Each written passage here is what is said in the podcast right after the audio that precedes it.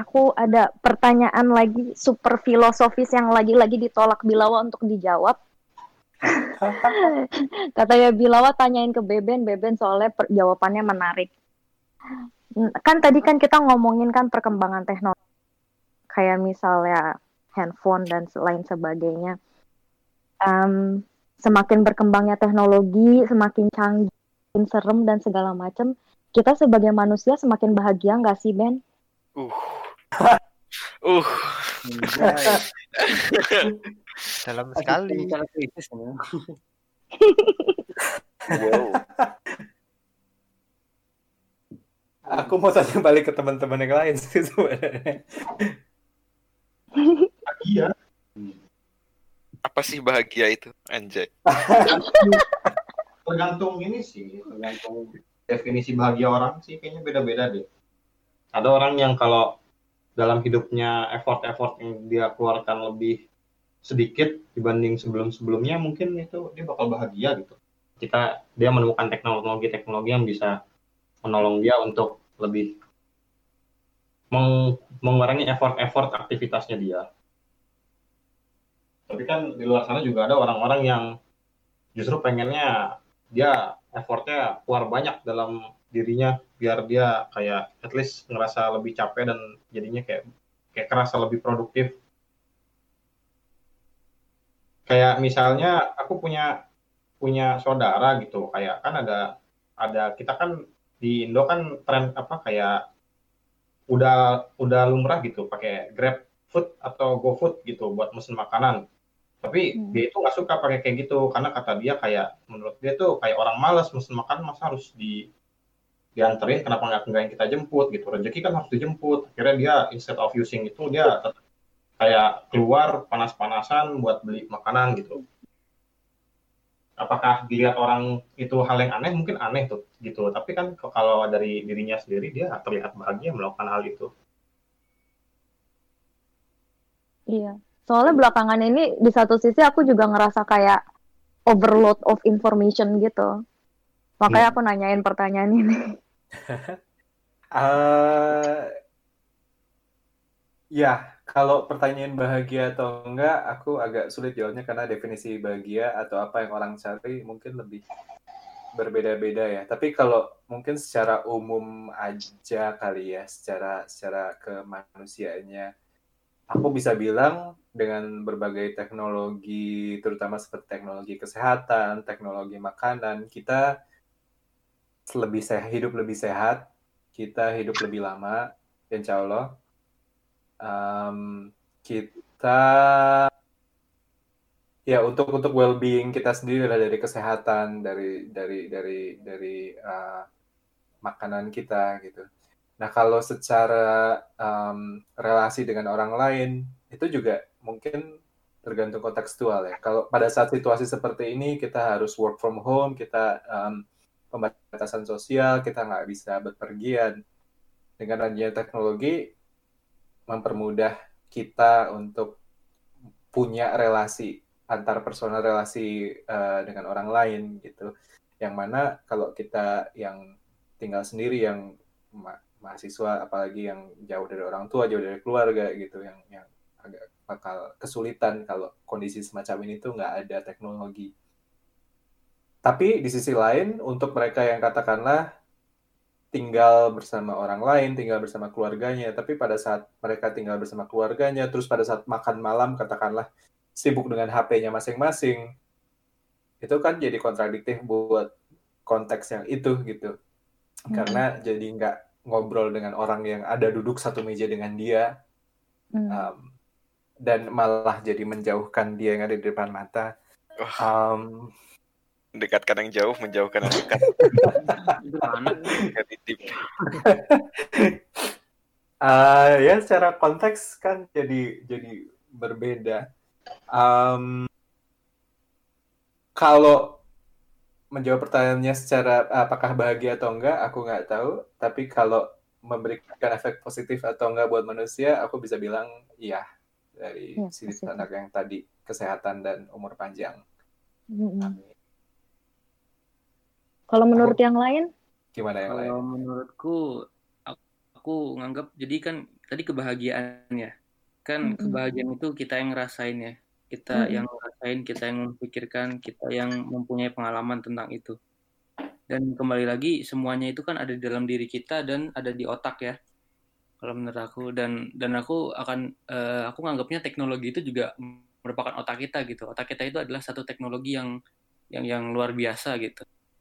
Tergantung cara penggunaan kita. Jadi kita tuh harus aware kapan kita memakai alat itu tanda kutip otak kita untuk mencapai kebahagiaan, kapan enggak gitu. Jadi jadi eh, gimana ya? Hmm, entah ngejelasinnya aku agak bingung jadinya. Jadi ya sebenarnya untuk mencapai kebahagiaan itu nggak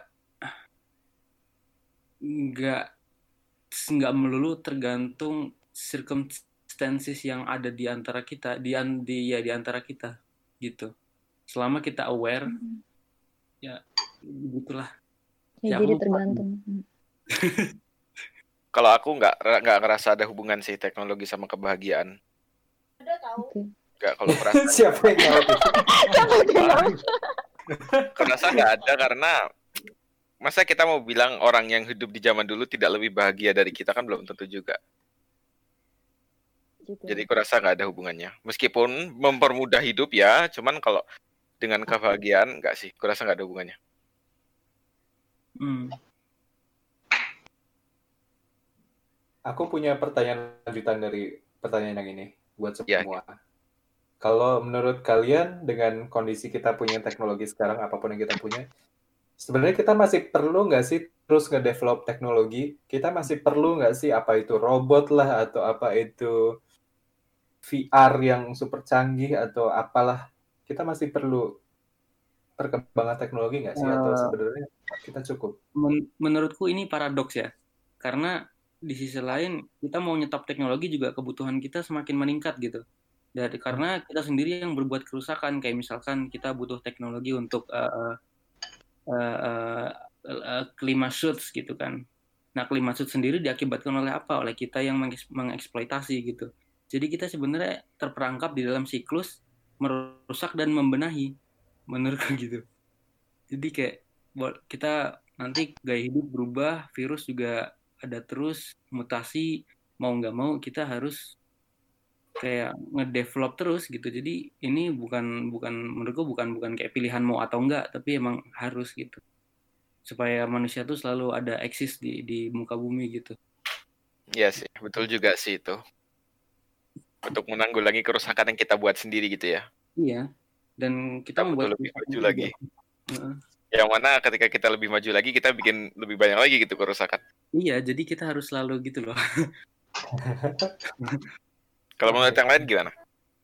Hmm, kayaknya ya aku nggak bisa bilang teknologi itu pen- apa harus di develop atau harus improve atau enggak. Tapi menurutku teknologi itu bakal terus ada karena ide-ide yang kita miliki pada hari ini itu merupakan teknologi di masa depan. Kayak contoh si Daryl sering banget kayak mention uh, kalau suatu hari nanti pasti bakal ada uh, koki yang bisa ngelihat wangi gitu. Eh ngelihat ya ngelihat wangi gitu tanpa harus nyobain. Jadi dia bisa masak ngelihat wangi gitu. Mungkin mungkin pada saat ini kita ngerasa itu kayak ide-ide konyol gitu. Tapi suatu hari nanti tuh pasti bakal jadi teknologi gitu. Ibarat kayak zaman dulu ketika orang bilang manusia bisa terbang gitu kan konyol kelihatannya kan manusia nggak punya nggak punya sayap gitu nggak mungkin bisa terbang gitu pada akhirnya sekarang ada pesawat manusia bisa terbang dari dari tempat jauh yang harus ngelewatin lautan nggak perlu kena air jadi teknologi sih bakal terus ada sih menurutku nggak bakal berhenti.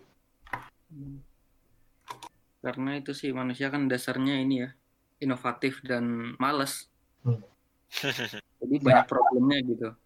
Kalau nggak ada problem bikin problem sendiri. Jadi siklusnya gitu terus. Aku jadi ngerasa tadi ngomongin siklus, kalau kita tarik baik lagi bahwa teknologi atau tools yang me- mengubah manusia, mengubah evolusi manusia, tapi terus manusia juga yang terus mendevelop teknologi, terus teknologinya me-evolve manusia. Jadi kayak siklus juga ya antara manusia dengan teknologi itu sendiri. Ah, kita berubah sekarang dengan adanya smartphone dan ada koneksi internet dengan adanya internet dan smartphone ini kita membuat sesuatu yang baru nanti membuat teknologi baru yang nantinya juga teknologi tersebut bisa mempengaruhi generasi-generasi selanjutnya. Iya, benar juga. Nah, kita ada pada siklus tak berujung. Iya. Harus mencari moksa. Paling atas moksa. Nah, walaupun itu Ben, saya kalau saya tertarik buat tadinya mau mengomentari tentang itu gitu. Adanya moksa teknologi. Anjay. Tetapi mungkin tidak seperti yang dibayangkan eh, orang-orang yang teknofobik gitu ya, bahwa dunia ini akan lebih baik kalau tidak ada teknologi gitu, atau memandang teknologi semata sebagai produk yang menyebabkan kerusakan gitu. Karena sebenarnya ini juga bukti-buktinya sudah terlihat gitu di kehidupan kita sehari-hari.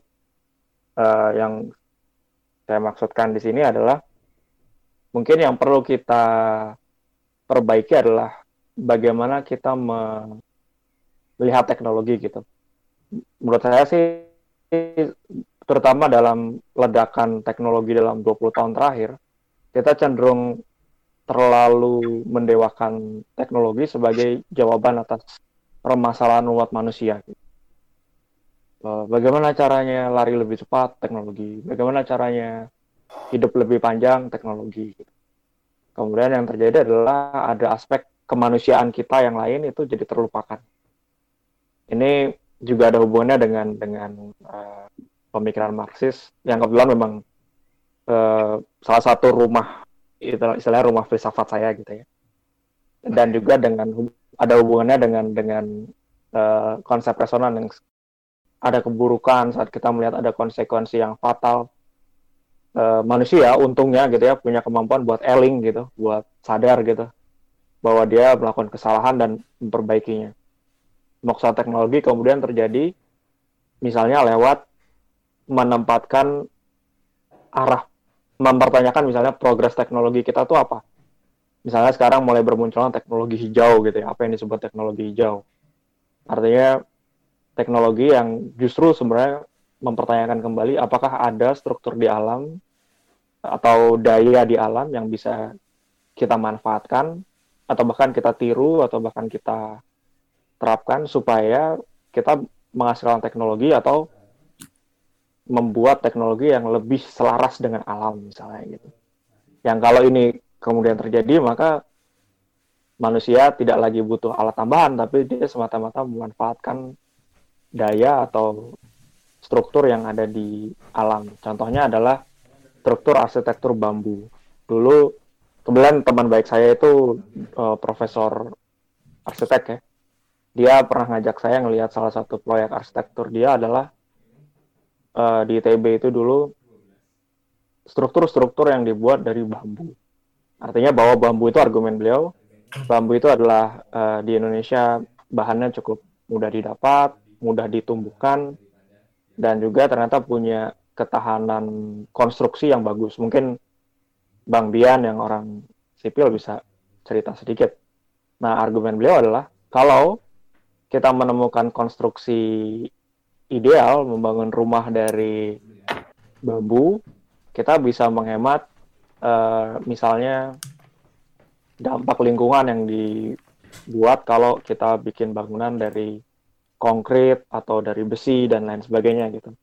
Karena dengan argumen bambu mudah dibudidayakan dan mungkin eh, dia cukup tahan juga dengan dengan menghadapi misalnya gempa atau apa karena dia lebih dia kuat tapi fleksibel gitu kira-kira yang saya pahami. Walaupun modelnya waktu itu saya lihat ya bentuknya masih seperti tenda gitu artinya memang sangat sederhana gitu belum bisa bikin gedung pencakar langit atau apa. Tapi artinya kalau kita mau berpikir ke arah sana, kita akan mulai berpikir, misalnya, oh, kita bikin gedung pencakar langit karena populasi manusia bertambah. Kenapa populasi manusia bertambah? Oh, karena kita beranak pinak tidak terbatas gitu misalnya. Tapi kemudian kita juga sadar kalau uh, jumlah populasi manusia bertambah, permasalahan sosial bertambah karena daya dukung keluarga tidak sanggup menanggung secara ekonomi anak yang banyak itu. Kemudian jadinya tingkat pendidikan tidak eh, bagus, tidak merata karena tidak bagus tingkat pendidikannya, banyak kemiskinan, banyak pengangguran dan seterusnya banyak kriminalitas dan lain sebagainya. Jadi masalah teknologi itu misalnya ya dengan ini gitu. Kita kembali berpikir misalnya tadi bambu eh, tentu saja tidak bisa misalnya belum bisa digunakan untuk membangun gedung apartemen pencakar langit. Kalau memang tidak bisa berarti ada daya dukung lingkungan yang harus kita sesuaikan kembali gitu sebagai manusia. Mungkin kita dulu berpikir karena kita hidup bisa nyaman karena revolusi agraria, kita tidak lagi harus berburu. Mas, makanan jadi tidak terbatas, beranak pinak juga jadi tidak terbatas karena kita ngerasa kita aman. Tetapi di zaman dulu, di zaman berburu dan meramu, eh, saya pernah baca itu bahkan punya anak itu pun berisiko. Kenapa? Karena kita harus memikirkan kalau nanti punya anak, sanggup gak kita cari makan untuk ngasih makan anak?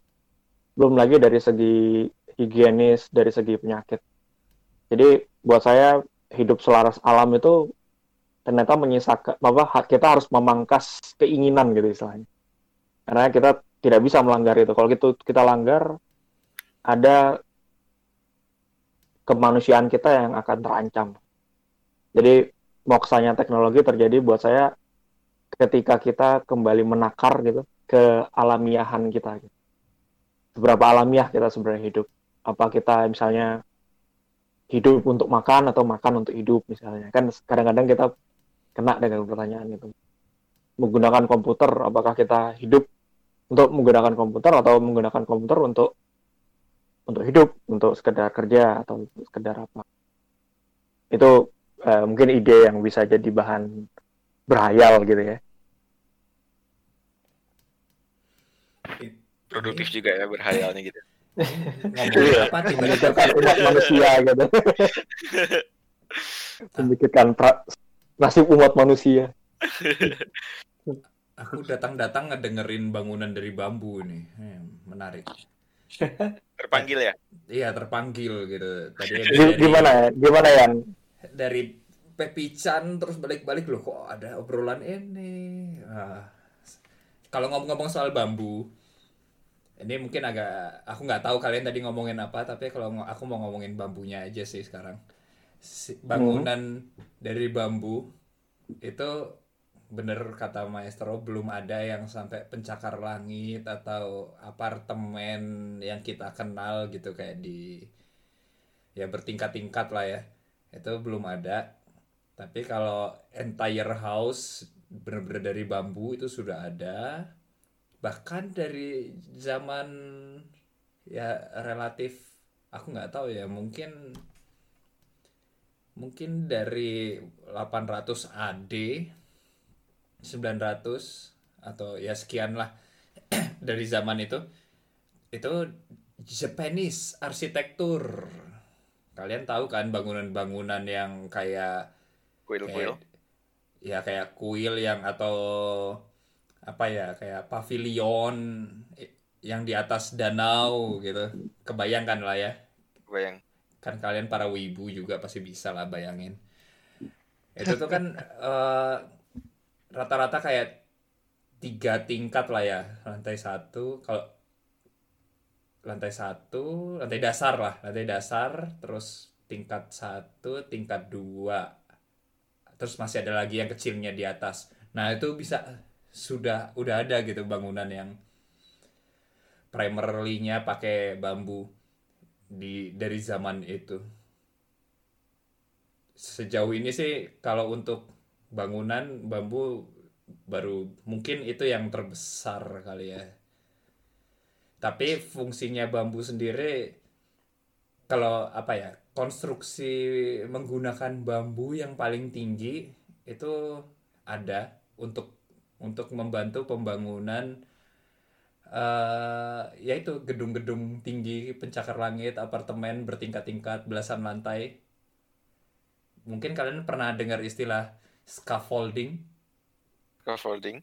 ya nah itu sampai bermeter-meter ke lantai atas sana itu puluhan meter pakai bambu yang padahal loh bukannya lebih aman kalau pakai besi gitu kan ya. Iya. Tapi itu sejauh ini konstruksi bambu tertinggi ya di scaffolding itu.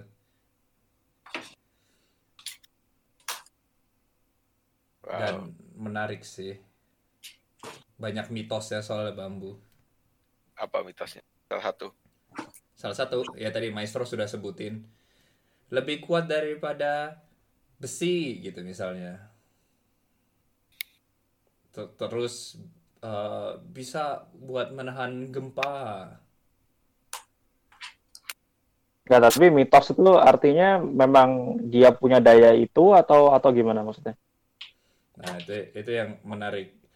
Jadi eh, itu harus di itu cuma bisa dijawab tergantung konteksnya. Jadi kalau secara laboratory test, kalau strength itu jelas dia kalah sama steel.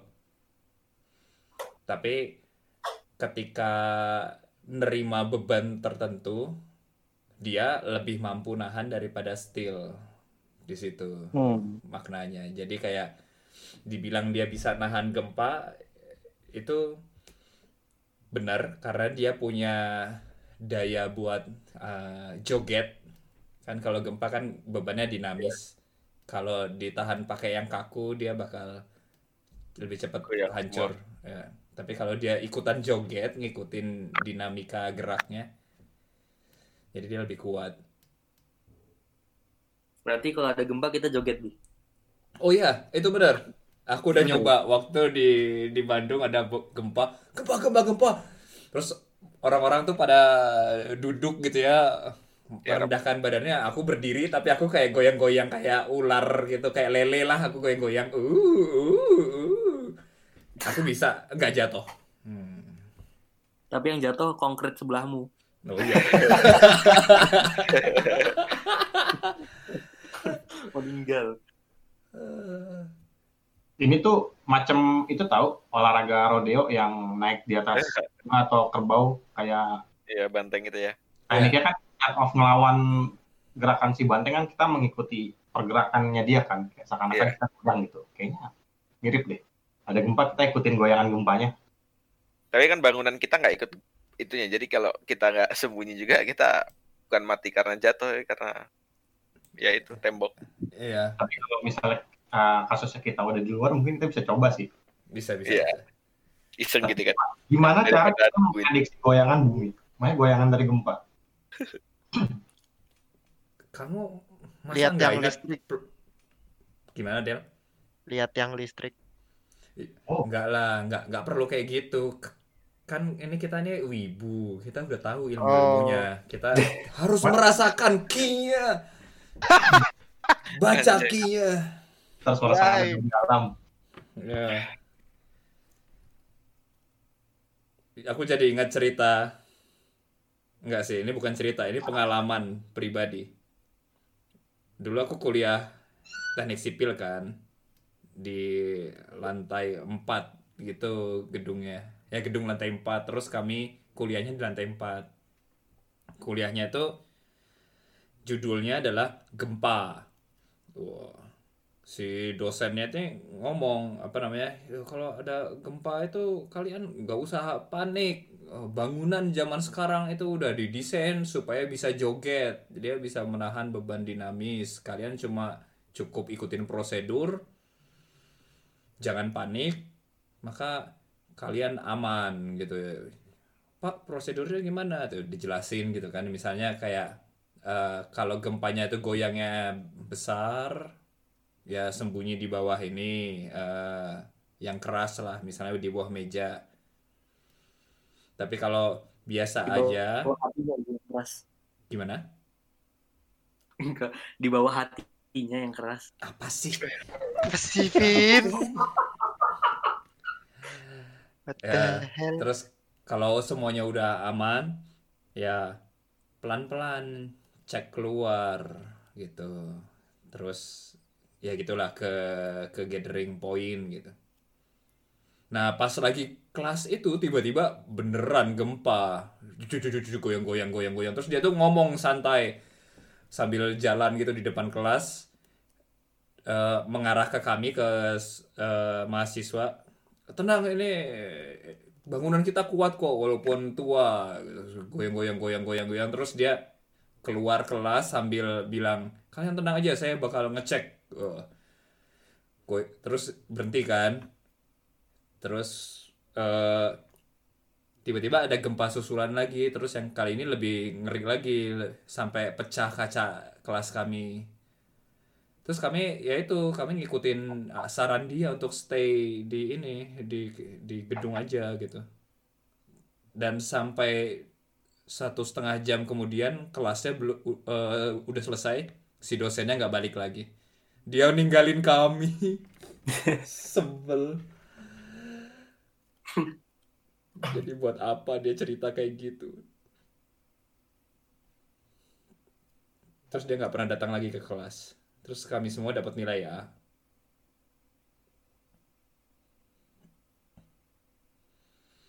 Dosen yang aneh Dosennya nakal. Soalnya nakal.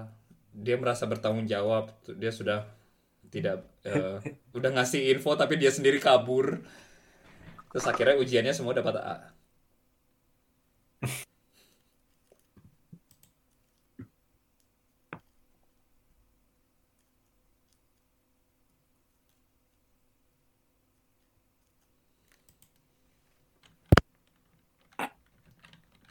Luar biasa. Semua merenung. Semua merenung tentang dosen yang lari daripada gedung. Apakah ini potret dunia pendidikan? Merenungi dapat nilai A-nya itu sih.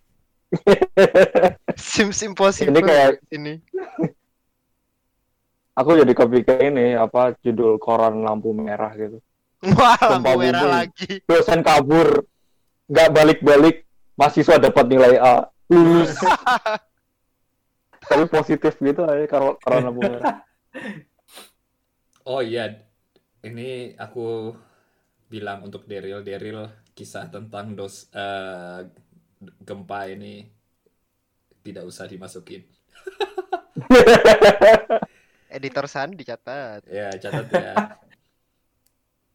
Supaya tidak ada pihak-pihak yang tersinggung ya. Iya.